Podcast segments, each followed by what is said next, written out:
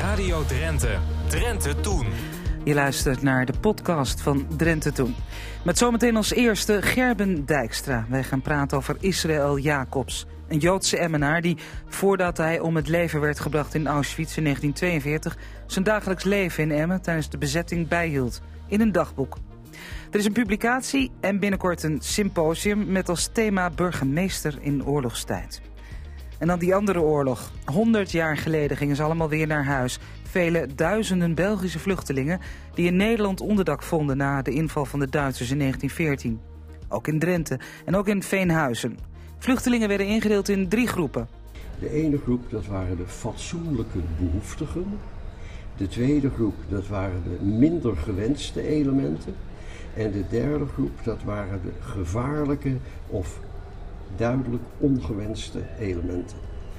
Ook zijn we op pad door de provincie met landschaps- en tuinadviseur Heilien Tonkens. Dit keer gaan we op bezoek bij mevrouw Sol in Wapserveen... die een historisch verantwoord voorbeelderf heeft. Niet omdat ze dat nou zo bewust besloten had. Mooi, daar hou ik van.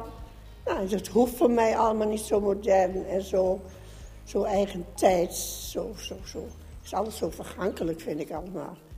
In het radioarchief gaan we terug naar het jaar 1963. Boer Pol uit Laaghaleveen vertelt aan omroepmedewerker Dick Greving... hoe Sinterklaas in elkaar zit. Daar gaat het ook om, hè. Om te tonen de aandacht van de ene mens voor de andere. En dan bij dergelijke feesten als Sinterklaas juist in engere zin. De medemens in de naastomgeving. Hoe Sinterklaas echt in elkaar zit horen we van Henk Nijkeuter en Abel Darwinkel. Zij presenteerden vorige week hun boek Sulles Sinterklaas welkom. Sinterklaasviering in Drenthe door de eeuwen heen. Dat en meer, dit is Drenthe Toen. Sophie Timmer. Gerben Dijkstra zit bij ons in de studio. Hij is onze studiogast. Hij is uitgever en auteur. En samen met twee anderen bereidde hij een publicatie voor waar wij het nu over gaan hebben. Ik zeg het allemaal wat ingewikkeld. Het gaat om een boek met dagboekaantekeningen. Aantekeningen van Israël Jacobs. En over de andere, Gerben, ik mag tutoyeren, met wie het boek maakte, zullen wij het zo meteen nog hebben. Maar eerst eens even Israël Jacobs, een Joodse emmenaar. Wie was hij? Hij was een uh, man uh, van Joodse afkomst, geboren in 1915 in Emmen. Zijn ouders hadden een, en grootouders hadden een manufacturierenzaak. En uh, hij is in 1933 ambtenaar geworden op het gemeentehuis in Emmen. En heeft daar gewerkt tot november 1940. Toen werd hij door het Emmer gemeentebestuur ontslagen omdat hij van Joodse afkomst was. Ja, en dat is eigenlijk in, in stappen gegaan, hè? Hoe, hoe de bezetter hier... Uh, eerst werd hij geloof ik van zijn uh, plicht ontslagen... maar ging salariering ja, gewoon door. Het, het salaris ging nog even door. Dus eigenlijk kun je zeggen vanaf eind augustus, begin september...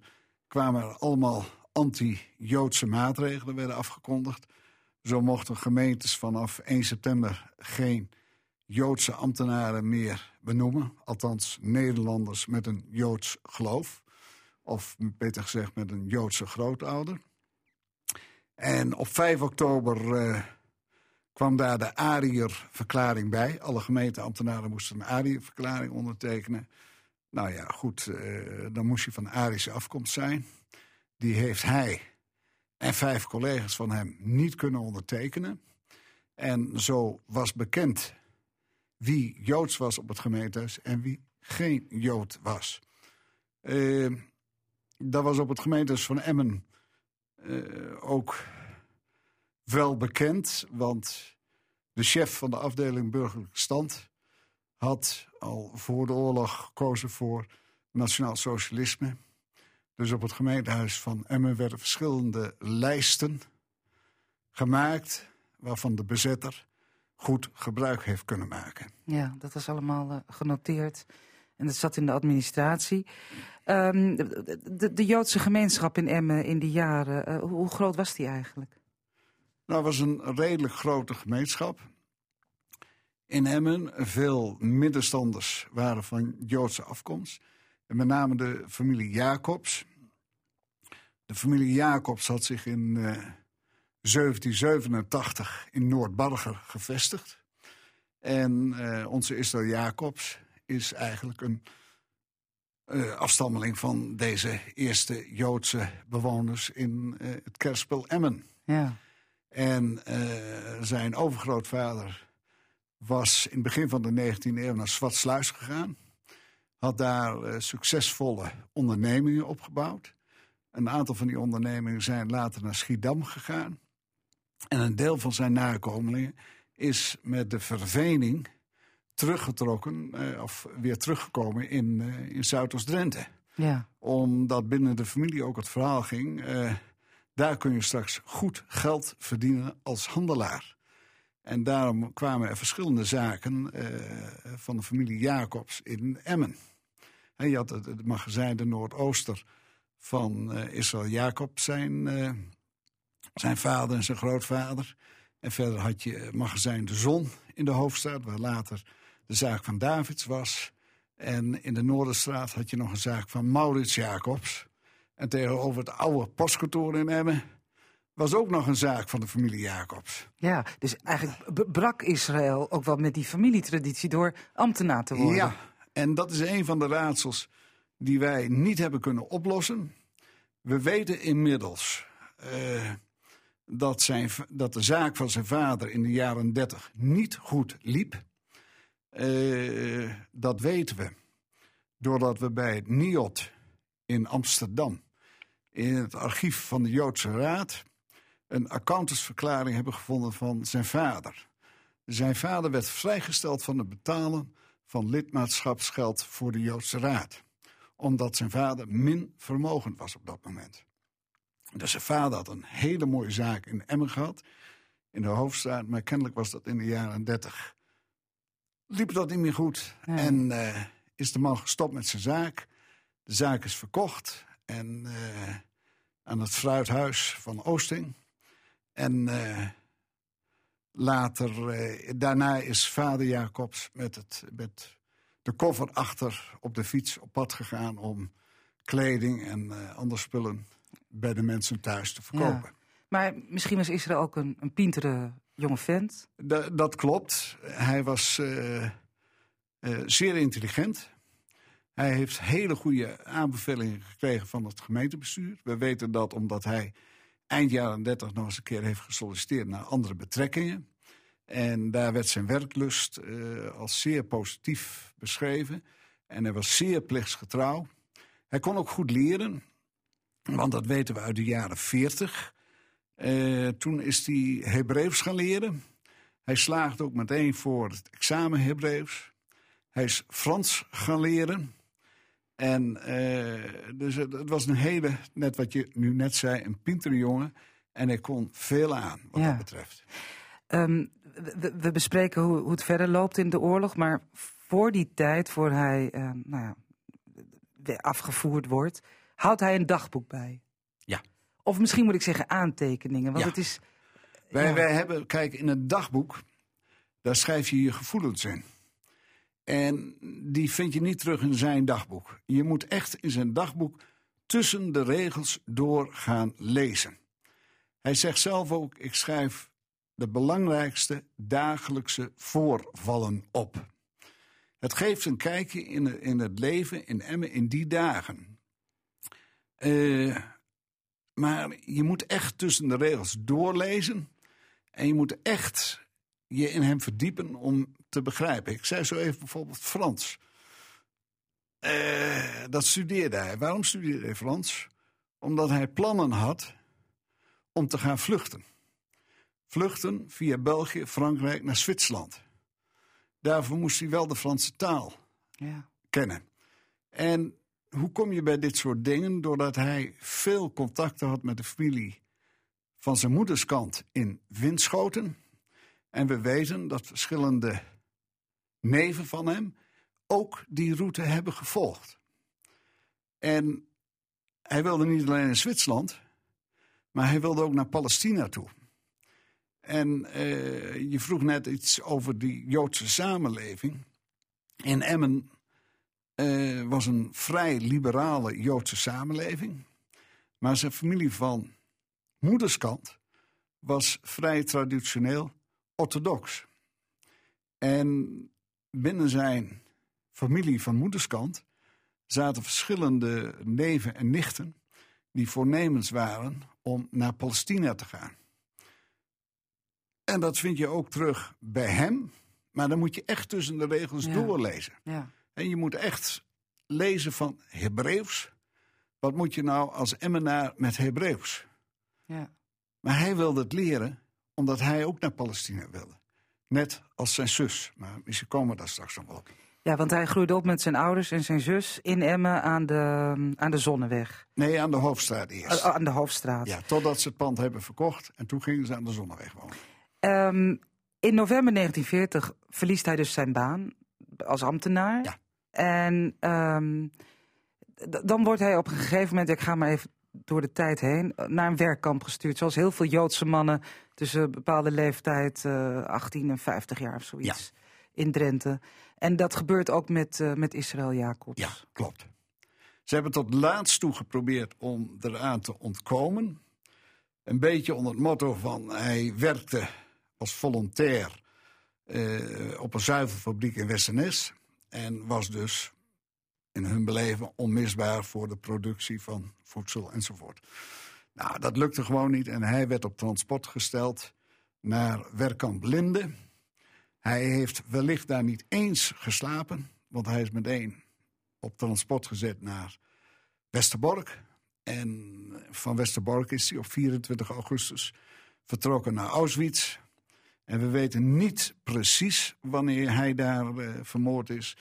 Het kan zelfs zijn dat het zo is dat hij direct bij aankomst is vermoord, maar in ieder geval voor 1 september eh, 1942. Ehm, Gerben, even terug naar waar je zojuist mee eindigde. Ehm, de datum weten we niet precies, maar hij is eh, vermoord in Auschwitz. Eh, Israël Jacobs. Zijn familie ook. Ja, zijn vader en moeder zijn ook eh, vergast. Die zijn op 2 oktober, in de nacht van 2 oktober, 3 oktober, opgepakt, naar Westerbork gegaan en eh, vervolgens naar Auschwitz en ook meteen vergast. En hoe komen jullie aan het dagboek? Zijn vader, eh, we vertelden net dat op 16 augustus Israël Jacobs is vertrokken naar het werkkamp Linde. Bij Hogeveen in de buurt, Ja, hè? Ja. bij Zuidwolde.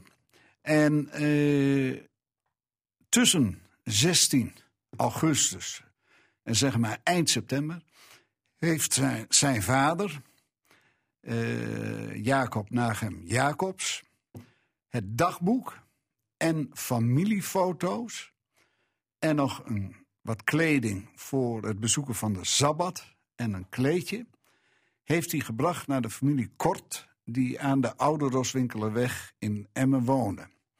Hij gaf dat daar in bewaring. Dat, dat vonden wij als bewerkers van het dagboek van de aantekeningen van Israël Jacobs heel bijzonder. Kennelijk hechtte zijn vader er waarde aan dat de aantekeningen van zijn zoon bewaard zouden worden wellicht ook om ooit eens een keer gepubliceerd te worden. Alleen, dat weten we niet. Maar ze moesten bewaard blijven. Want menig ouder zal zulke aantekeningen bij oud papier hebben gedaan, weggegooid hebben. Maar kennelijk hechtte zijn vader er waarde aan tot het bewaard zou blijven. Het is bijzonder dat de zus van Israël Jacobs, die de oorlog heeft overleefd, die heeft na de oorlog contact gezocht met haar buurman in Emmen en gevraagd hoe het met haar familie, haar ouders, haar broer was gegaan en of er nog spullen waren. En deze meneer Van Veen, Jan van Veen, is toen ook op bezoek gegaan bij de familie Kort. eh, heeft daar de foto's, de familiefoto's, in ontvangst genomen. En heeft die familiefoto's opgestuurd naar Rebecca in Israël.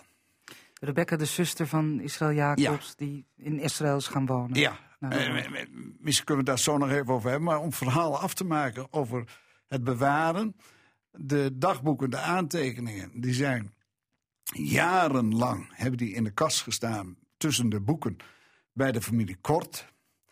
toen de ouders niet meer aan de Oude Roswinkelenweg wonen, zijn ze nog mee verhuisd naar een appartement in Heidien.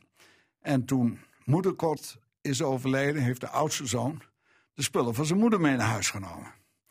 En die zijn vervolgens boven in de slaapkamer ook in een boekenkast terechtgekomen. En toen deze meneer Kort, eh, die dat dagboek dus thuis had, zou verhuizen uit zijn woning, was hij ook in gesprek met een jonge dame die bij hem thuis werkte, Jolanda Poelman. En toen hebben ze samen gekeken naar die spullen. En toen zagen ze ook deze aantekeningen van Israël Jacobs. En toen heeft uh, Jolanda Poelman met name gezegd van... deze dingen, deze schriften zijn bijzonder. Deze moeten bewaard blijven. En toen heeft uh, Kort, de heer Kort, die heeft toen die schriften gegeven aan Jan de Graaf... die op dat moment voorzitter was van de school in, uh, van de synagoge in Emmen. En die heeft ze in bewaring genomen. En sinds 2007 zijn, liggen ze in bewaring bij de synagoge in Emmen. Ja. Zo zijn dus die dagboeken bewaard gebleven. Maar even kort, heeft, heeft de, zus Rebecca ze nou ook nog ooit ontvangen of niet? Nee. Niet? Nee. nee. Um, het is uh, bij jullie terechtgekomen. En met jullie bedoel ik uh, Marcel Bulten, die een aantal jaar geleden overleden is. Hij heeft heel veel geschreven over de geschiedenis van Emmen. 2018 is hij, meen ik, overleden. En Sis Hoekenbeugeling. Kun je zeggen dat jullie het met z'n drieën hebben... Ja, maar kijk, Marcel Bulten heeft, uh, is, begonnen met... of hij heeft een boek geschreven over de Joodse gemeenschappen in Emmen. Hun namen worden niet vergeten. En in dat boek heeft hij ook een hoofdstuk gewijd aan het dagboek van Israël Jacobs. Toen hij klaar was met dat boek, en Marcel Bulten was uh, heel betrokken, ook emotioneel betrokken bij de Joodse gemeenschappen in Emmen. Toen zei hij: Ik ga nu het dagboek helemaal uh, opschrijven, noteren enzovoort. Want het, hij heeft een moeilijk leesbaar handschrift, Israël Jacobs. En uh, Marcel Bulten heeft dus het hele dagboek uitgeschreven. Vervolgens is Marcel Bulten ook aan de slag gegaan met het zoeken naar de personen die in dagboek worden genoemd. En uh, hij heeft een groot aantal van deze personen heeft hij, genoteerd. En uh, tijdens zijn werk is Marcel ziek geworden. We wisten op dat moment ook nog niet precies hoe we dat dagboek zouden uitgeven. Hij had mij gevraagd als uitgever om daar iets mee te doen. zouden we het in een kleine oplage doen of echt voor het publiek? En, maar er moesten nog veel dingen of verschillende dingen worden uitgezocht. Op dat moment was ons bijvoorbeeld niet bekend of die zus Rebecca nog leefde.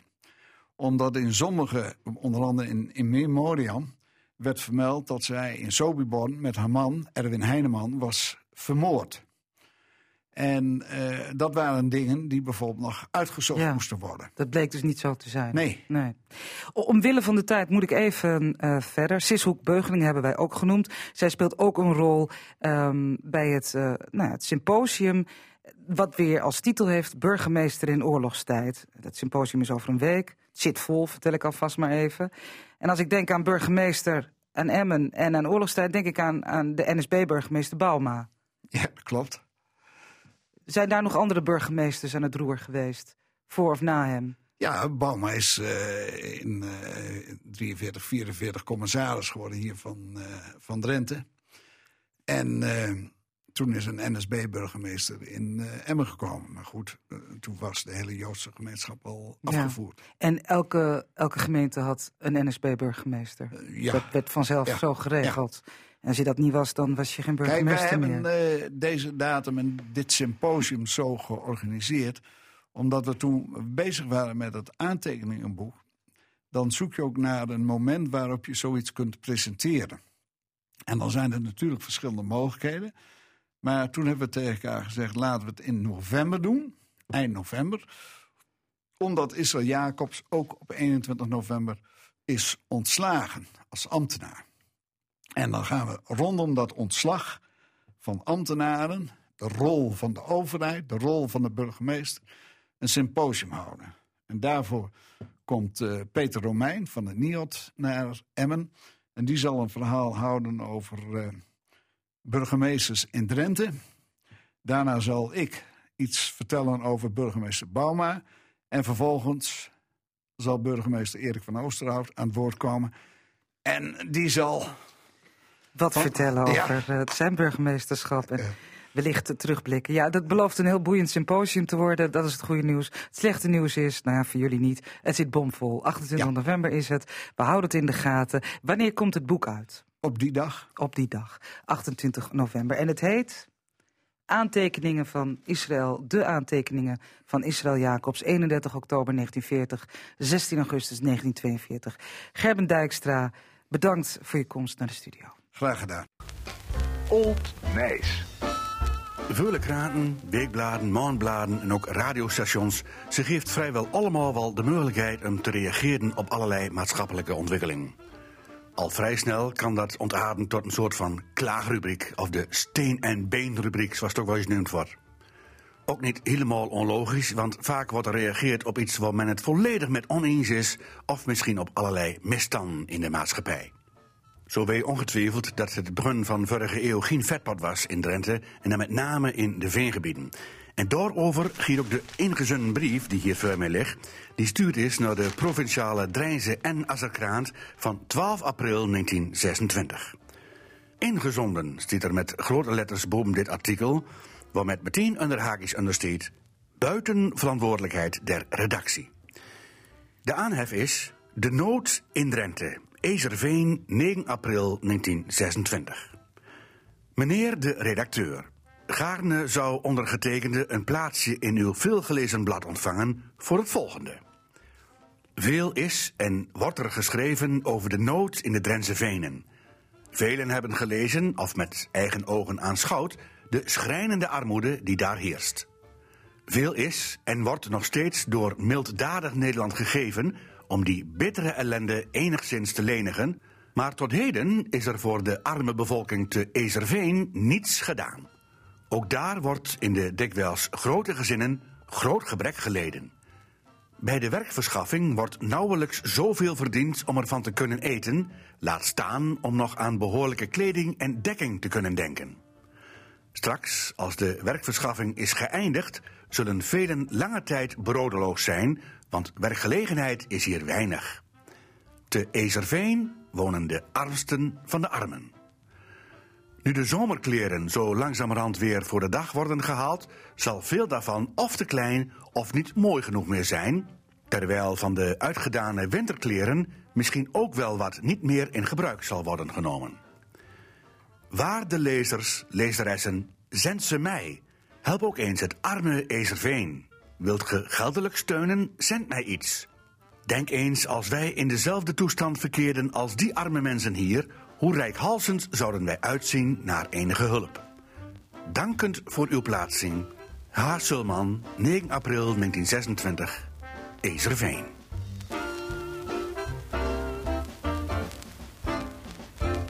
En tot zover Aldert met uh, zijn oude kranten. Radio Drenthe presenteert opnamen uit het archief. Ja, we hebben gezocht op Sinterklaas en dit is wat we gevonden hebben. Het is vermoedelijk 1963 en in het Rono radioprogramma onderdeel Oes Koekeloeksien interviewt Rono-journalist Dick Greving boer Pol uit Laaghaleveen. Thema de vercommercialisering van het Sinterklaasfeest. Radio zoals het niet meer gemaakt wordt. Een bocht om naar een halve kilometer, door een hoes, door nog een. Een kilometer verder weer weer een bocht. En daar wacht dan bij de eenzame boerderij Arringswoord tussen het en de Smullen. Dat was de boerderij van Pol, waar als ik te laan komen was. Nou, Pol was in hoes van Zulm, want hij dat komen zal. En de koffie, die was dus broen. En hoe gaat dat bij ons? Wij praten honderd over van alles, voordat we aan toe bent waar als het eigenlijk om begund is. Maar op het les was dan zo wit dat we op het onderwerp kwamen van Sinterklaas. Het onderwerp waar ik zo netjes ook al over begonnen. Ik vroeg Paul dus wat hij nou eigenlijk van dat cadeautjes geven dacht. Ik zeg het tegen hem, hoe is het nou Paul? Bekijk je dat nou ook als een loze truc van de winkeliers? Om de mensen de centen door de te trommelen. Dat wil ik nog wel gern eens weten, hoe als daar een boer over denkt. En toen zei Paul... Nee, dat is toch stellig geen alleen van de winkeliers. De winkeliers kunnen wel al lang best hebben, maar Sinterklaas, even al zo lang was, dat is zo lang leven. Ja. Maar jongen, dat zou wel meer met geven meer verbaasd staan. Met de mogelijkheid om aan de markten te laten dat men er is en dat men een ander dacht heeft. Zo, dat is de bedoeling van dat, van dat cadeau geven. Ja, dat, geven. dat geloof ik toch wel, dat er wel wat in zit. Eh, wanneer het alleen maar een, een, een reclamestunt was, een, een, een poging om omzetvermeerdering te krijgen van de winkelier. En dat niet appelleren zal aan het gevoel van de mens voor zijn medemens. Dan was dit eh, niks waard natuurlijk, dan was het vanzelf aflopen. Daar trapte men niet in. Daar gaat het om, hè. Om te tonen de aandacht van de ene mens voor de andere. En dan bij dergelijke feesten als Sinterklaas juist in engere zin. De medemens in de naaste omgeving. Ja, eh, Sinterklaas, men noemt dat Sinterklaas geschenken, men noemt dat Sinterklaas verrassings. Hier zit dus wat van, van het onverwachte in, hè? van de verrassing. Ja. Wij zijn er weer aanbeland bij onze laatste excursie met de waterleiding Maatschappij Drenthe. En ditmaal gaan we naar Bijlen. Het productiestation daar is vlak na de Tweede Wereldoorlog gebouwd als het tweede station van Drenthe. Nu lijkt het er bijna een klein natuurgebied, zo rustig is het daar. Als de bakstenen van de pomp en de kantoorgebouwen eens konden spreken. Collega Lydia Tuinman vond een paar welbespraakte mannen van de WMD... die die tijden van weleer nog glashelder voor ogen hebben. Zoals Ger Ekelmans. Nou, voor mij is dat eh, dat ik eh, toen ik bij de WMD begon in 1970 op de tekenkamer. En toen was het nog een, eh, een bedrijvigheid van je welste. Waar we nu staan, daar stond vroeger een regiokantoor. Ja. En eh, daarachter had je eh, de woning van de, van de hoofdmachinist. Er staan nou een Eh, paar, eh, paar berkjes. Er staat Ja, er staat verder, verder helemaal niks meer. Nee, maar die Dus- wo- er woonde hier dus ook weer een machinist op dat terrein met zijn gezin. Met zijn gezin. Vroeger waren alle productielocaties bemand. Dus je had op elke locatie, hè, dat was de hoofdmachinist, de machinist en een tuinman. En eh, ja, die, die werkten en woonden op de locatie. Ja, die was echt van hun. Dat, waren was, dat was hun eigendom, hè? hun, eh, hun, eh, hun koninkrijkje. hun koninkrijkje. Ja. Ja, ja. En dat zag er ook altijd picobello uit. Daar zorgden ze wel voor. Ja, en Nou, hier had je dan ook nog het regiokantoor erbij. Ik heb ook een oude meneer gesproken op een andere locatie. En die was wel wat misnoegd over het, eh, het ge- gebrek aan eh, regelmatig grasmaaiwerk. Dat was natuurlijk vroeger iets waar ze eer mee inlegden. Hè? Dat het eh, gras elke week gemaaid werd. Absoluut, want elke locatie had een eigen tuinman. Ja. Dus ja, dat zegt al genoeg. Dus dat Ja. werd keurig netjes onderhouden. Ja, Ja. daar lagen altijd picobellen bij, dat klopt. Ja, Ja, daar hebben we nou allemaal geen geld meer voor. En bovendien eh, noemen Nee. we dat tegenwoordig natuur. Hè? dat is ook zo. Ja. Tijden veranderen en je moet mee. Hè. Dat, eh, zo werkt dat ook. Ja. Maar wat ik nog wel kan herinneren op deze, of op- tenminste voor de WMD, dat eh, in 1973 eh, werd de mobiele phone geïntroduceerd. En dat was wel heel wat. De, de, de fitters reden in een DAF of in een Volkswagen busje. Zo. Ja. Oh ja, maar het is ook echt een, een bedrijfsdaf. Hij heeft een, eh Ja, het een is een, be- laadbakje ja, het is een bedrijfs. eh, ja, er zit een laadbakje DAF. achter. Ja, dat klopt. Ja, oh, wat Ja. schattig. Ja, ja die, die hoofdmachinist die woonde dus op dit, eh, dit terrein met zijn gezin. Wie was dat? Nou, dat was de heer Schonewille. Ja. En zijn zoon, Arend Schonewille, is hier dus opgegroeid. En is dus ook later bij de WMD aan het werk gekomen. Ja, dat was zo'n beetje een familiebedrijf, hè? Ja, zo'n beetje wel. Ja, ja. het ging van vader op zoon eh, her en Ja. der wel. Dat ja, klopt. en zo'n zoon die bleef hier dan ook weer wonen in die... eh, in die eh, Nee, nee, Nee. nee. nee, nee. Die eh, tijden waren toen voorbij. Ja, die waren toen voorbij. Ja, Ja. dat klopt. Ger Ekelmans, Ekelmans, neemt u mij niet kwalijk. Eind van het jaar gaat de sloophamer erin. Het is dus bijzonder om nog een keertje binnen te mogen kijken voordat alles weg is. Onze gids heet Simon Dost van de Waterleidingmaatschappij Drenthe.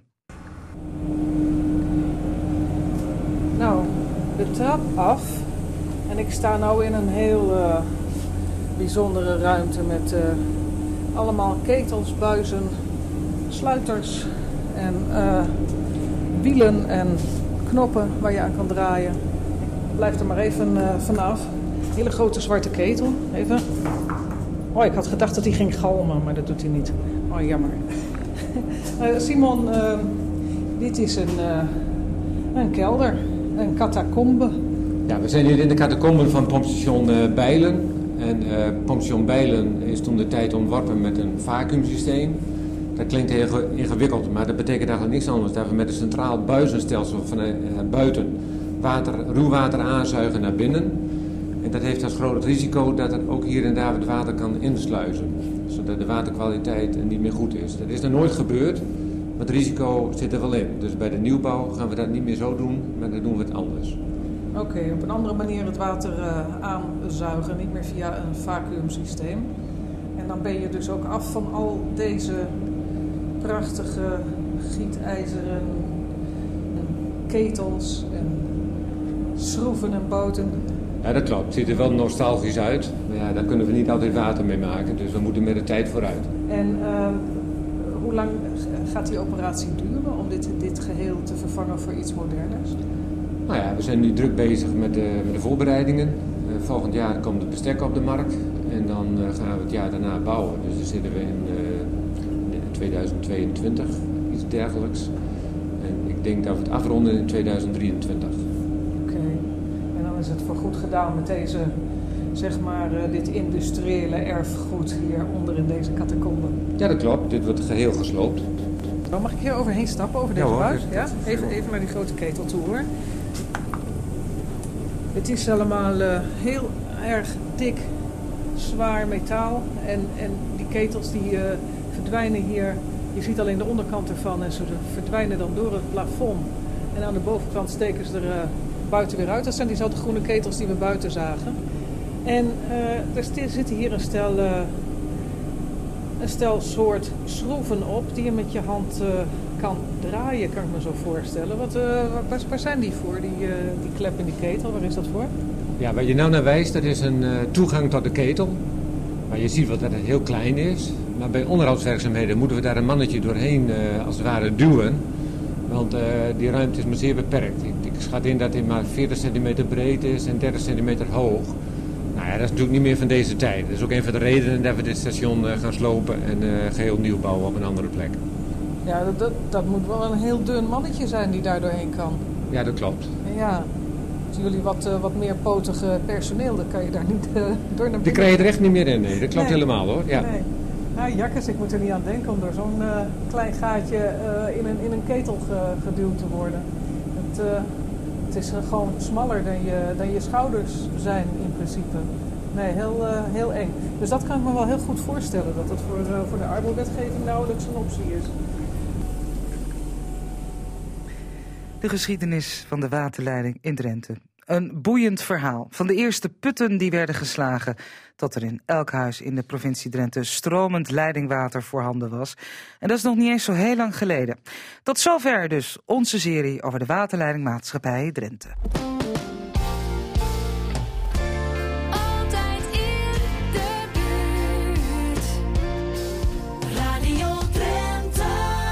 Dit is Drenthe toen. Met zometeen Belgische vluchtelingen in Veenhuizen tijdens de Eerste Wereldoorlog. En Heilien Tonkens die Drentse boerenerven inspecteert. Maar eerst. Vorige week werd het gepresenteerd, vlak voordat Sinterklaas weer zijn jaarlijkse intrede maakte in dit land. Het boek van Henk Nijkeuter en Abel Darwinkel, Sol oes Sinterklaas welkom, Sinterklaasviering in Drenthe door de eeuwen heen. Het boek kwam er niet omdat beide heren zich uh, geprest voelde door de tijdgeest. Nee, ze liepen er al jaren mee rond met plannen voor een dergelijk Drents Sinterklaasboek. En onderzoek deden ze ook al een tijd. Zo, zo houdt Nijkeuter al jarenlang lezingen over het onderwerp. En bezocht hij zelfs onder meer Dembre in het zuidwesten van Turkije, vlakbij de bisschopstad Mira, waar de bisschop vandaan komt die de voorloper van Sinterklaas zou zijn. Ik vroeg aan ze hoe het nu kan dat we aan de ene kant teruggaan naar die bisschop uit de derde, vierde eeuw en aan de andere kant het Sinterklaasfeest hebben in Nederland, dat, zoals we nu kennen, pas zo'n pak een beet 150 jaar oud is.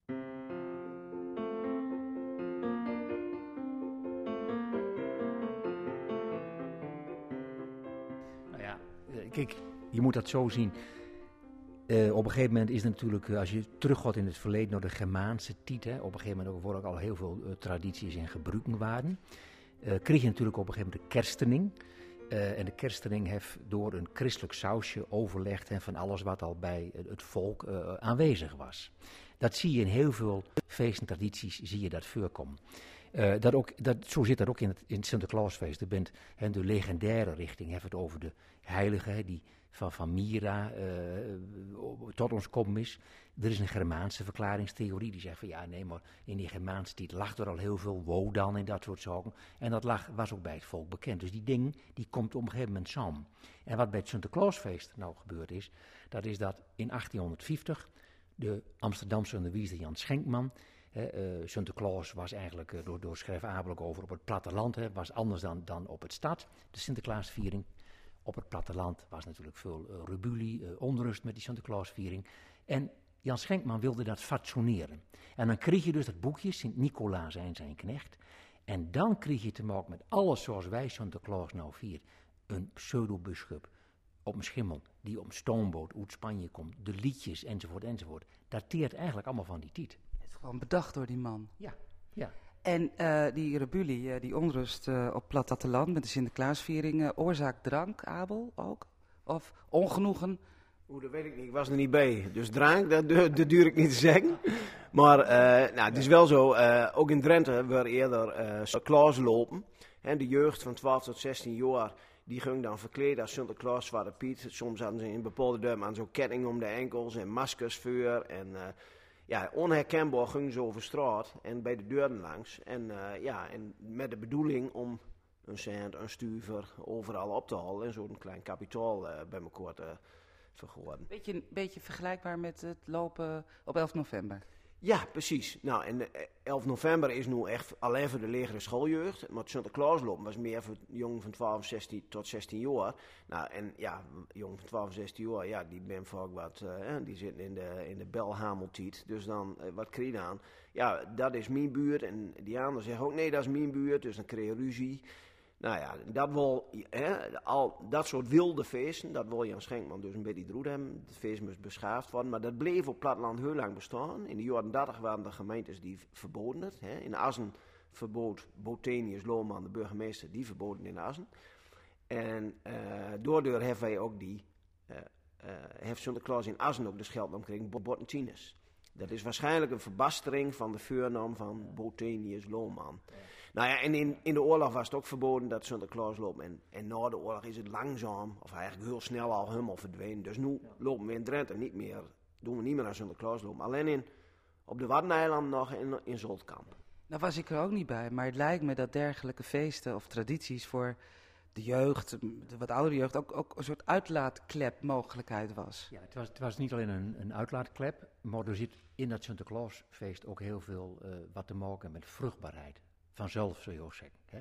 Want die wintertiet, die dorre wintertiet, hè, uh, dat Wodan hier weer uh, terugkwam bij de mensen, dan kreeg je dat die, die, die, die, dorre grond, men is al bezig om uh, de, de, vruchtbaarheid, om dat rijden. Dus heel veel in dat Sinterklaasfeest heeft ook te maken met die vruchtbaarheid. Dat, die roe, hè, dat tikken met die roe, die, die, die, jongens op het platteland, die gingen dan langs die hoezen, Abel net zei, en die tikken die wichter op de kont een, een, een vruchtbaarheidssymbool. Dus die vruchtbaarheid, hè, Sinterklaas, goed heilig man, maar Sinterklaas ook goed huwelijksman.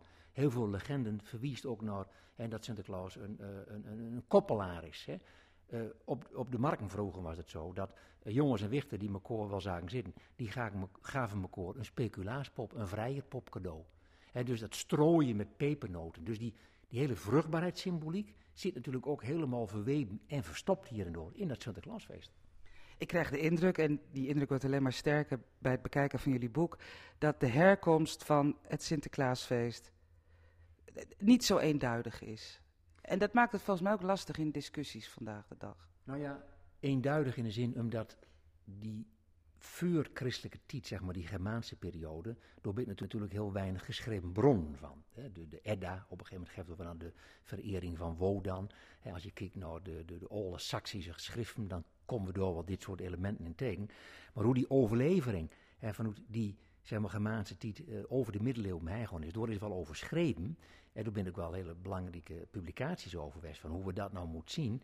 Eh, maar het is inderdaad wat je zegt, heel veel dingen ben bij elkaar komen. Het is niet één dit, één dat. Hè. Er zit heel veel in verweven. Hè. En die hele tradities zijn in elkaar overgaan. En dat maakt het voor ons het ook zo interessant, omdat er gewoon heel veel van dit soort dingen zit in dat feest. Hè, maar een eenduidig verhaal, een eenduidig verhaal, ja, die heb je hoogst niet. Nou, hij staat als een roze olifant in de kamer, of hoe wordt dat altijd genoemd? Laten we Zwarte Piet er ook maar even bij halen dan.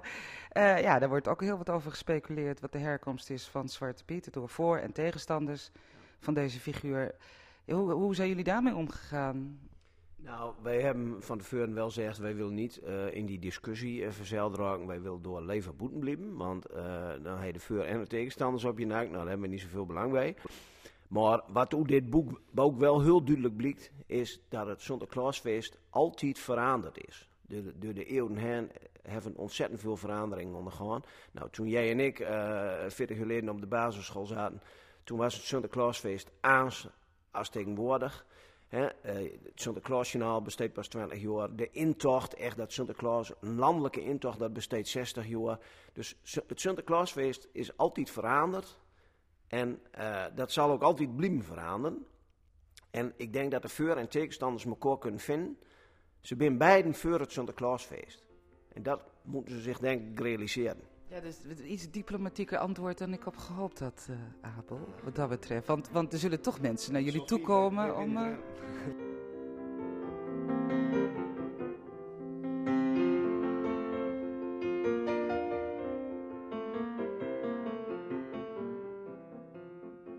Kijk, hoe dat verhaal van Sinterklaas, dat historische verhaal, is zo dat door, er zijn geen sporen, er zijn geen bewijzen dat zeg maar de archetype Zwarte Piet uh, iets te maken heeft met uh, slavernij.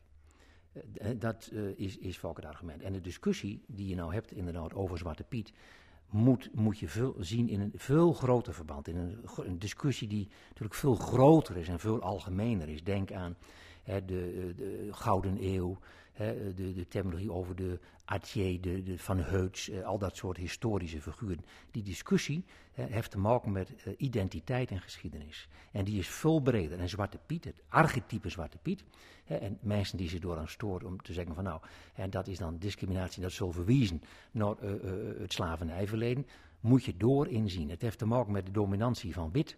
Hè, dat zie je nou ook in de voetballerij op dit moment, hè, die discussie door doorgaan is. Dus het is een veel grotere discussie en dit is een onderdeel van. Hè. Maar uit het historische verhaal blijkt niet dat er enig verband is met uh, uh, een, een, echt duidelijk uh, slavernijverleden of discriminatie. Hè. Die Zwarte Piet is een archetype, hè, die steekt voor heel veel dingen. Hè. In bepaalde landen komt Sinterklaas ook door even dan geen Zwarte Piet, maar door even bijvoorbeeld een Satan, een bok, een Krampusfiguur. He, dus die figuur heeft een hele andere betekenis. Nou, dat hebben wij ook met dit verhaal hebben we duidelijk, proberen duidelijk te maken. En natuurlijk is het zo, ja, uh, mensen, bepaalde mensen die vult zich door, zijn Zwarte Piet voelde zich gediscrimineerd. Maar wij moeten dat plaatsen, denk ik, in een veel grotere verband, een veel grotere discussie die speelt.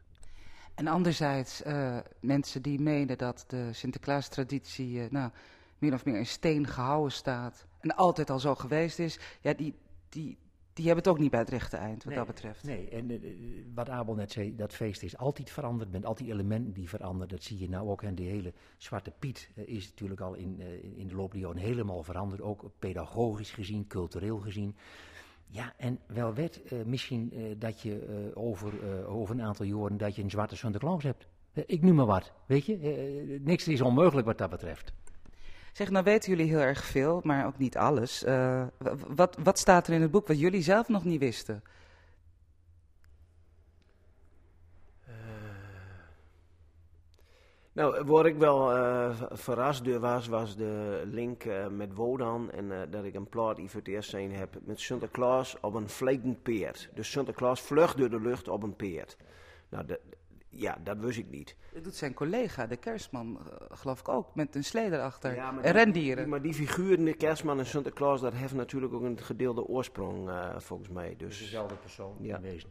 En Sinterklaas, Santa Claus, Hè, de, de kerstman is, uh, maakt nog twee voorbeelden. Uh, ook in die tijd, zeg maar, van die Germaanse tijd had je een hulp van woord aan Roeprecht. En dat was de knecht. En die Roeprecht, een figuur ook met een roe en zak op de rug, die komt dan weer samen in die, ja, die emigratiegolf naar Amerika, waar uh, Duitsers en Nederlanders bij elkaar komt. Het Roeprechtfeest, de datum van het Roeprechtfeest, dat wordt handhaafd. En de figuur, de persoon, dat wordt dan Santa Claus. En de figuur van Kerstman, zoals je die jouw af, afbeeld ziet, man met uh, dikke boord, uh, rode kleding ook, uh, dat hebben we eigenlijk te danken ook aan de Coca-Cola reclame. Want die heeft op een gegeven moment die, ja, die, zeg maar, die afbeelding van, van, van Santa Claus, de kerstman zo gedaan. En vandaar is die, die, die kers, kerstman zo over de wereld gaan. Dat zal ik weer eens niet zeggen. Maar goed. Um, jullie hebben ook interviews met mensen. waarom? Wat, levert dat... Wat draagt dat bij aan een geschiedenisboek? Interviews met mensen die nu leven. Wat was jullie insteek, jullie gedachte daarbij? Nou, het, wij willen een Drens Sinterklaasboek maken. Nou, uh, bijvoorbeeld Rick Hoving, hè, een oud collega bij uh, RTV Drenthe. Die heeft geweldig mooie uh, Sinter, Drentse Sinterklaasfilms gemaakt. Nou, ik, was benijd naar het verhaal door achter. En nou, ik vind dat dat ook echt, echt wat leuks. Hè. Die, die, die films die worden door de jaren heen al beter. En uh, nou, die, die twee laatste films, die, nou, mijn kinderen die, die keken erin. De Santa Claus die bijna elke dag naar. En dacht ik, deze film heeft toch al zijn? Nou, die keken ze zo weer. En die heeft wel, nou, ik geloof 6 miljoen views of zo. Nou, dat is ja, natuurlijk hartstikke veel. Ja, ja. Nou, wij hebben bijvoorbeeld, uh, Assen heeft echt een hele mooie uh, intocht. Hè? Dat is echt een, ook landelijk een van de grootste intochten van Nederland. En nou, ik wil wel eens weten wat het verhaal door achter was. Nou, dan hebben we Lodewijk Ossen. Die hebben we interviewd en die heeft verteld hoe dat hoe dat ooit gaan is. Hoe dat in zijn werk gaan is, hoe, hoe dat zo'n grote intocht worden is. Nou, dat vind ik echt een leuk, uh, leuk dat zit ook in dit boek steeds. Goed, past uitstekend in de schoen deze tijd van het jaar, wat mij brengt tot de laatste vraag. Hoe oud waren jullie ongeveer toen je stopte met het zetten van je schoen? Met andere woorden, wanneer vielen jullie van je, ik moet het altijd heel diplomatiek doen, maar wanneer vielen jullie van je geloof? Uh, na, na, de tweede klas volgens mij. Dat is nu groep 4. Ja, toen, uh, nou, er waren dan een paar jongens die tik mee gezegd hadden, zeg maar. Maar uh, en na dat, na dat Sinterklaasfeest uh, kwam mijn papa maar echt. En toen, ik, eerlijk zeggen, ik snapte er helemaal niks van. ik, wa, ik was er nog lang niet aan toe dat het niet klopte, zeg maar. Uh. En mijn dochter die is nu zo oud. Ja. Die is, dit is het laatste jaar, maar die is nog helemaal, die heeft geloof nog. Ja. Dat is het beste. Ja, dat was natuurlijk ook voor mij diezelfde leeftijd ongeveer. En ook uh, ja, eerst totale verwarring. Hè, want uh, wij vierden dat dan uh, gewoon toes. Maar ik vierde dat ook nog bij oma. Hè, want bij oma, door zet ik ook altijd in schoen. En dat was bij oma was wel mooi. Hè, want dat deden we dan op de ochtend van 6 december. Dus de oude datum inderdaad. Dus dan was, had ik het zo op 5 december toezat. En dan smorgens moest ik naar oma. En door haar Sinterklaas ook nog wat bracht. Dus ja, dat was inderdaad wel even uh, wat, wat, wat verwarrend, inderdaad. Ja, maar ik heb het blik boven drang. We begonnen in de vierde eeuw en we eindigen bij de oma van Henk Nijkeuter. Je hoorde ze Abel Darwinkel en Henk Nijkeuter over het boek Sul oes Sinterklaas welkom, Sinterklaasviering in Drenthe door de eeuwen heen. Het is uitgegeven door Koninklijke van Gorkum en wij mogen er een verloten. Mail ons drentetoen.rtvdrenthe.nl en wil je de heren allebei in het echt ontmoeten? Dat kan 30 november bij Boekhandel Van der Velde in Assen van 2 tot 4 uur. En dan nog even over de muziek uh, die je hoorde. Uh, ja, dat is natuurlijk Hij komt, hij komt, die lieve goede Sint. Maar het heet van zichzelf de Vrolijke Landman van de componist Schumann. 4 augustus 1914 valt het Duitse leger België binnen. De vesting Antwerpen wordt belegerd en valt begin oktober in Duitse handen. En dan komt een grote vluchtelingenstroom op gang. Kees Timmerman, voormalige geschiedenisleraar en vrijwilliger bij het Gevangenismuseum, neemt collega Lydia Tuinman mee naar een plek waar tastbare bewijzen zijn van de aanwezigheid van de Belgische vluchtelingen in Veenhuizen.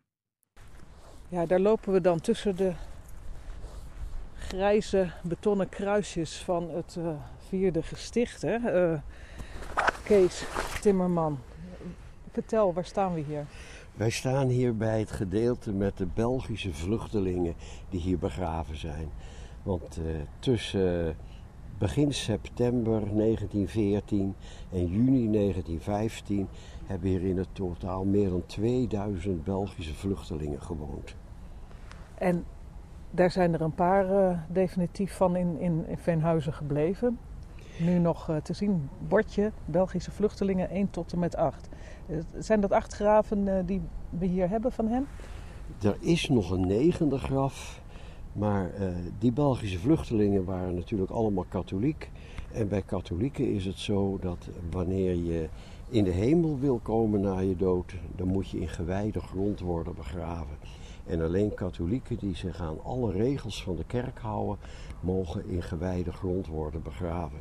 En een van de negen overleden Belgische vluchtelingen, die had uit pure wanhoop, eh, omdat hij het eh, niet meer kon redden hier in deze vreemde omgeving, had hij de hand aan zichzelf geslagen en moest daarom in ongewijde grond worden begraven en zou niet welkom zijn in de hemel.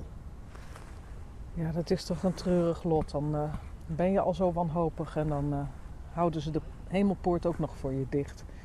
Uh, dit rijtje Belgische vluchtelingen die hebben het niet meer gered om terug naar het vaderland te komen. Die, die, die, laatste in ongewijde grond, de, waar, waar ligt die dan? Die ligt achter de coniferen, zodat we het hier dan noemen. Op elke katholieke begraafplaats was altijd een gedeelte afgeschermd. En dat, was, dat heette dan achter de heg of achter de coniferen. Voor de mensen die zich niet aan de regels hadden gehouden. Ja, dus hij ligt, uh, hij ligt daar uh, 100 meter verwijderd van uh, de welordentelijke Belgen. Ja, die trouwens ook niet zo ordentelijk waren. Want er waren twee van die Belgische vluchtelingen. Die waren naar, omdat ze zwaar TBC hadden, naar het Academisch Ziekenhuis in Groningen gestuurd. En die werden teruggestuurd met de volgende boodschap. Deze beide heren zijn onbehandelbaar en onhandelbaar. En daarom krijgen jullie ze weer terug. Zo, alsjeblieft, gefeliciteerd. Ja, er staan geen namen hè, op deze kruisen. Het bordje staat erbij. Nee, de landlopers werden hier uh, in Veenhuizen anoniem begraven. In de eerste fase, in de tijd dat de maatschappij voor weldadigheid het hier voor het zeggen had, kwam er zelfs uh, geen enkele administratie bij. Ze werden wel netjes in de oost-west richting in de grond gelegd. En zes jaar later dan mocht uh, de graven geschud worden. En dan kwam er weer de volgende serie te liggen.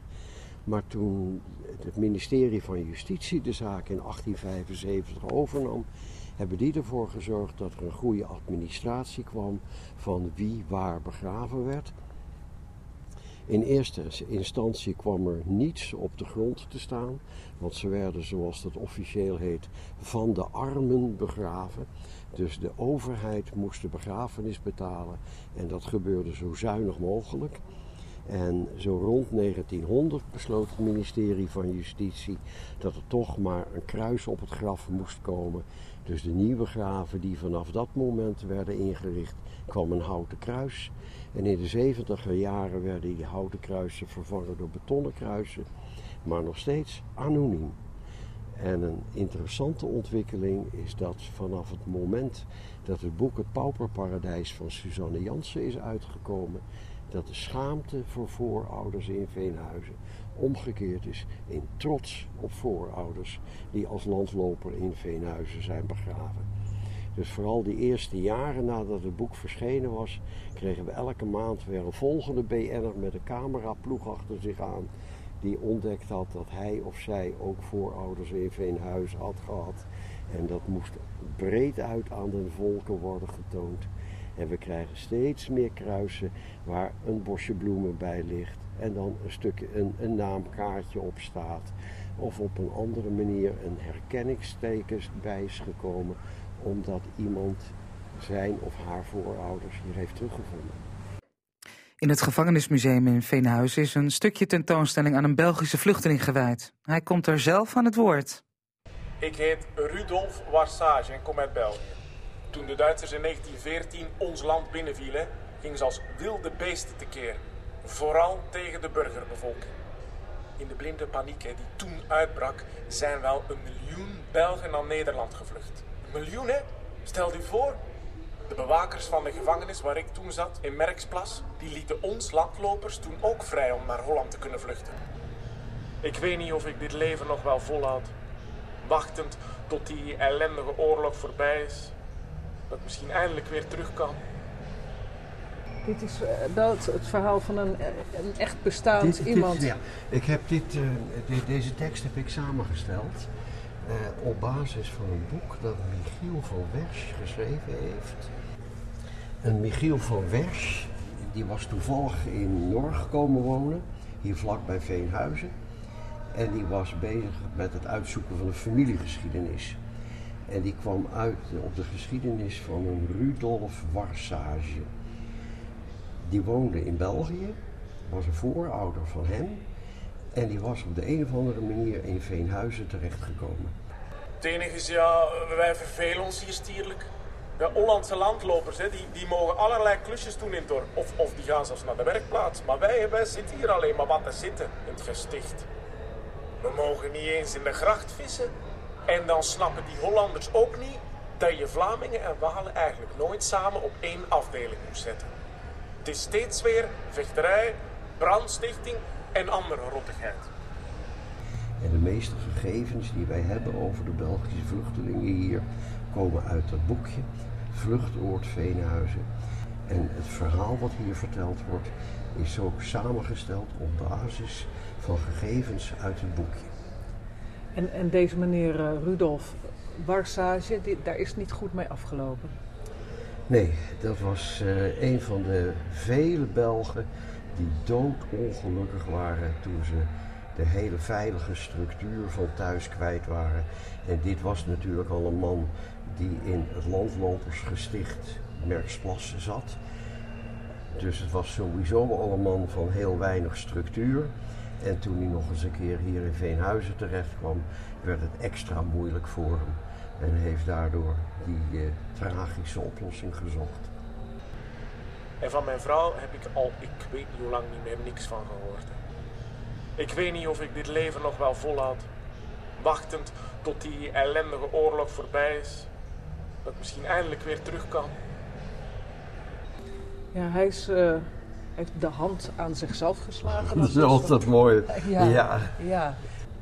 En toen hij overleed, toen bleek dat er nog over waren uit zijn nalatenschap kleding, een zilveren horloge en contanten. Die werden hier verkocht en die leverden op 23 gulden en 10 centen. En toen werd er geprobeerd om zijn weduwe te traceren. Zijn vrouw was ook gevlucht. En ze, hadden gev- gevonden dat ze een tijdje in Maastricht had gezeten. Is er contact met de burgemeester van Maastricht opgenomen om te kijken of hij de vrouw van Rudolf Walsage kon vinden, zodat die 23 gulden en die 10 centen aan haar konden worden overgedragen. Die vrouw was ook volledig verdwenen, niet meer te traceren. En uiteindelijk is via de minister van Buitenlandse Zaken het geld overgemaakt naar de Belgische gezant. En die moest dan maar verder uitzoeken wat hij met die 23 gulden en dat dubbeltje wou doen. Het is toch wel heel aandoenlijk allemaal. Ja, ja, ja. ja. Ehm, dit is één, één van de vele eh, geschiedenissen natuurlijk van de eh, Belgische vluchtelingen in Veenhuizen. Hoeveel hadden we er hier? Er zijn in het totaal ongeveer 2200 Belgische vluchtelingen hier geweest, maar die waren hier nooit allemaal tegelijk. Het is altijd een komen en gaan geweest van vluchtelingen. En eh, de ene keer dan, dan waren er wel 600 en de andere keer waren er maar weer 300. En uiteindelijk in juli 1915 zijn de laatste 400 hier vertrokken naar een heel groot onvrijwillig vluchtoord in Nunspeet. En toen zijn er nog wel een paar handenvol vrijwillige vluchtelingen overgebleven. Maar uiteindelijk in 1916 kan je zeggen dat er geen Belgen meer zijn hier. En de vluchtelingen die er in Veenhuizen waren, de- de- u heeft het over onvrijwillige vluchtelingen, dat was dus een bepaald soort. Een bepaald De- slag. De onvrijwillige vluchtelingen, dat was natuurlijk een bepaald slag. Want die hadden zich op de een of andere manier niet aan de Belgische wet gehouden. En waren daardoor of als landloper opgesloten in iets wat vergelijkbaar is met de Nederlandse Rijkswerkinrichtingen. Of zaten puur in een gevangenis omdat ze misdadiger waren. En wat wij hier in uh, Nederland binnenkregen aan Belgische vluchtelingen, werd dan ook in drie groepen ingedeeld. De ene groep, dat waren de fatsoenlijke behoeftigen. De tweede groep, dat waren de minder gewenste elementen.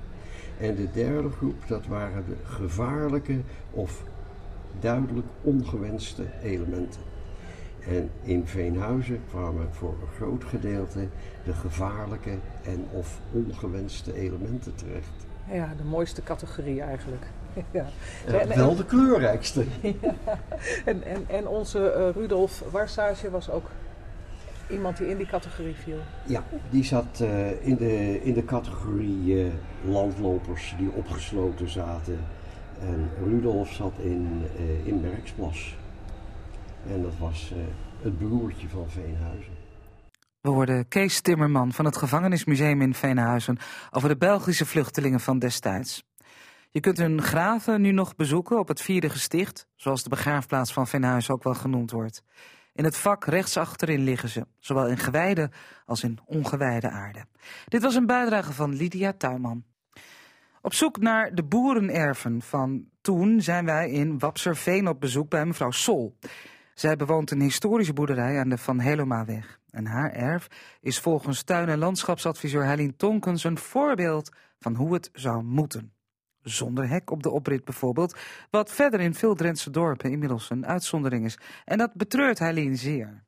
Maar ik, ik weet niet waarom ze dat, of ze bang zijn voor inbraak, bang dat een ander erop loopt. Ik begrijp het niet. Of is het status? Ik denk, ja, beide denk ik status, maar ook een stukje veiligheid, denk ik. Hij klimt toch zo over een hek heen? Ja, maar ik denk dat het toch wel boerenerven zijn, waar ze dus verplicht zijn om op de oprit halfweg of zo een hek te hebben. Want zoals bij de buren staat wel een hek en hier halfweg, bij die buren staat halfweg de oprit een hek. Ik denk dat verzekerings, ook een verzekeringskwestie is. Maar was dat dan vroeger uh, allemaal veel, veel opener hier in het dorp? Dat het allemaal wat, uh, wat gemoedelijker was, ook met de erfafscheidingen en dergelijke? Ja, die erven die zijn allemaal ook erg veranderd door dat het uh, tuinen aangelegd zijn die, die nou weer mooier moeten zijn. En ja, het is gewoon een tijdsbeeld. Ja, echt dat, uh, dat aanzien van zo'n boerenerf, dat is, uh, dat is wel veranderd. En, en jij hebt het hier eigenlijk wel heel mooi intact gehouden, hè? Ja, daar hou ik wel van. Ja? ja. Dat is een bewuste keus. Nee, ongemerkt is dat gebeurd. Daar hoef ik helemaal niet bij na te denken of zo. Dat, dat vind ik mooi, daar hou ik van.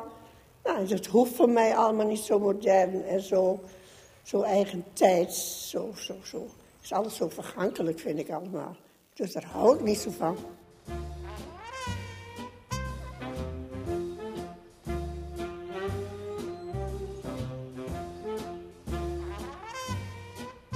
Het wordt toegejuicht uh, door Heiline. Ja, en het is wel mooi wat je zei. Hè, er zijn veel meer siertuinen aangelegd. En dat is natuurlijk hè, de, die, die ruimte voor die boerderij. Het was eerst was die moestuin belangrijk. En er waren wat bloemen. En die moestuin is verdwenen, want we konden zo naar de groenteboer en naar de supermarkt.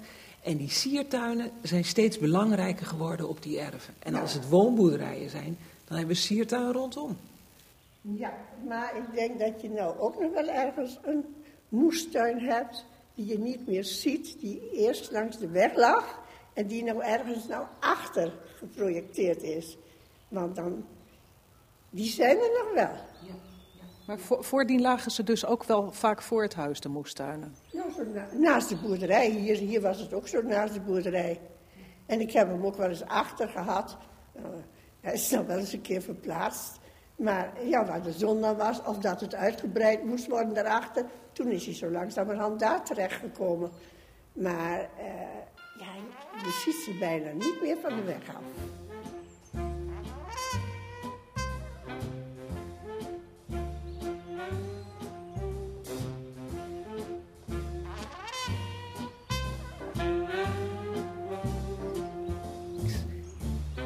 Nee, de, de, de, en, daar, als je hier door het dorp heen gaat, dan kom je er een paar tegen. Maar je vertelde ook al, je zuster heeft hem ook achter liggen. Ja, met een hegje erom. Ja, ja, er moet geen beest in lopen in dat, eh, Nee. tuintje. Nee.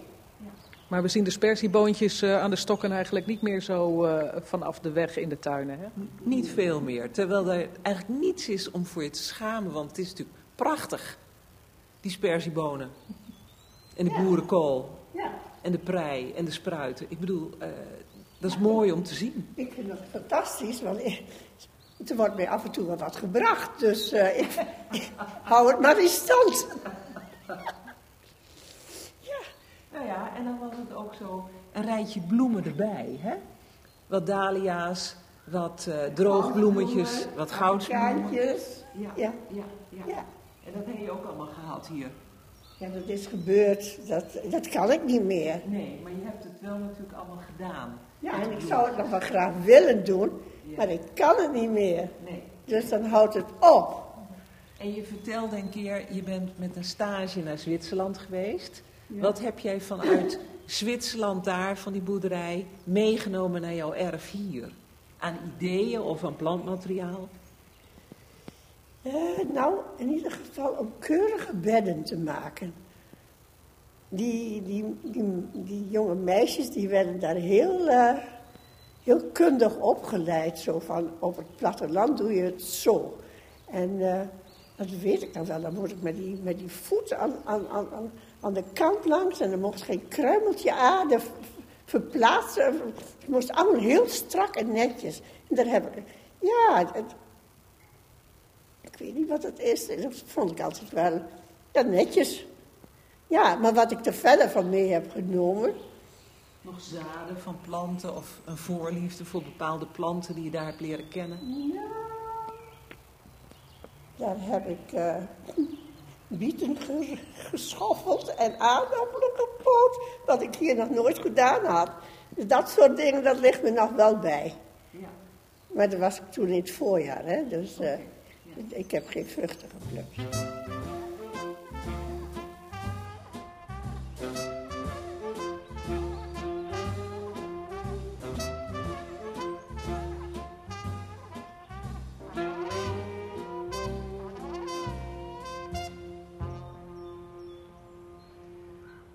Heilien Tonkens en mevrouw Sol in Wapserveen. En volgende week filosoferen ze nog wat door over de boerenerven van toen.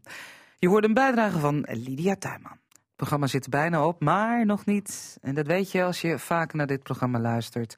Nog niet voordat wij hebben geluisterd naar een jeugdherinnering van Wiebe Kruijer, zoals voorgelezen door Robert Oosting.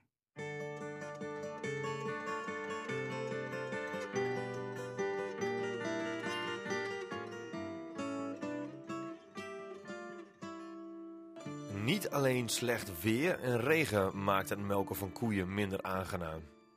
Zomers hebben koeien veel last van vliegen, muggen, dazen en horsels en de koeien slaan dan onophoudelijk met hun staart. Het gebeurt vaak dat een koe een wat dunne ontlasting heeft en dan scheidend zijn eigen staart bevuilt. De koe die zit daar niet mee. Die zwaait rustig rond met zijn staart, waarbij de stront op de staart door de wind en de voortdurende bewegingen opdroogt tot een bundeltje langwerpige harde kraaltjes. Het is mij meermalen overkomen dat ik, terwijl ik zat te melken, een keiharde klap van zo'n gezel in mijn gezicht heb gehad. Probeer dan maar eens weer in te houden niet boos te worden. En lukt dit één keer, houd je dit dan ook een tweede en een derde keer vol. Ik moet eerlijk bekennen, ik veelal niet. Vaak ben ik bij het hek begonnen met melken en als gevolg van mijn boosheid en de reactie van de koe daarop aan het uiterste puntje aan de andere kant van het land geëindigd. Het gevolg daarvan is weer dat je met een volle emmer melk helemaal terug moet lopen naar het uitgangspunt, zo'n 150 meter verderop. Want daar staat de melkbus. De melk vervoerden we in een melkbus voor op de fiets. In het voorgaande heb ik de Belg, onze werkfiets, die was vernoemd naar het grof gebouwde Belgische werkpaard, al beschreven. Een melkbus heeft een inhoud van ruim 30 liter en de fiets had het, met volle melkbussen voorop, zwaar te verduren. Vooral als wij over het zandpad van Paterswolde over de Brinkhovenlaan naar het Oosterland moesten fietsen en daarna weer een volle bus terug moesten brengen. De afstand van huis tot ons land was bijna 5 kilometer en deze afstand moest per dag maar liefst vier keer worden afgelegd. In latere jaren gingen we binnendoor via het Friese Veen naar het Oosterland. Deze route was iets korter en de weg was over een groot gedeelte verhard. Maar we moesten dan wel met de fiets en de melkbussen voorop via een plank twee brede sloten oversteken. Die plank lag even voorbij de watermolen over de sloot. En je moest op de terugweg van het Oosterland met een volle melkbus voor op de fiets eerst over die plank en daarna meteen bij het dijkje omhoog dat rond het Friese veen liep. Eén keer ging het op een morgen goed mis en gleed Jacob uit op de gladde plank en stond hij dus een middel in de sloot.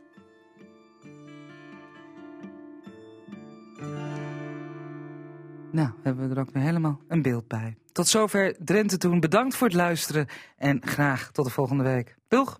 Je luisterde naar de podcast van Drenthe Toen. Vond je het leuk? Geef ons dan een mooie beoordeling. En luister ook eens naar de andere podcasts van RTV Drenthe. Zoals bijvoorbeeld de Sportcast of die van Cassata.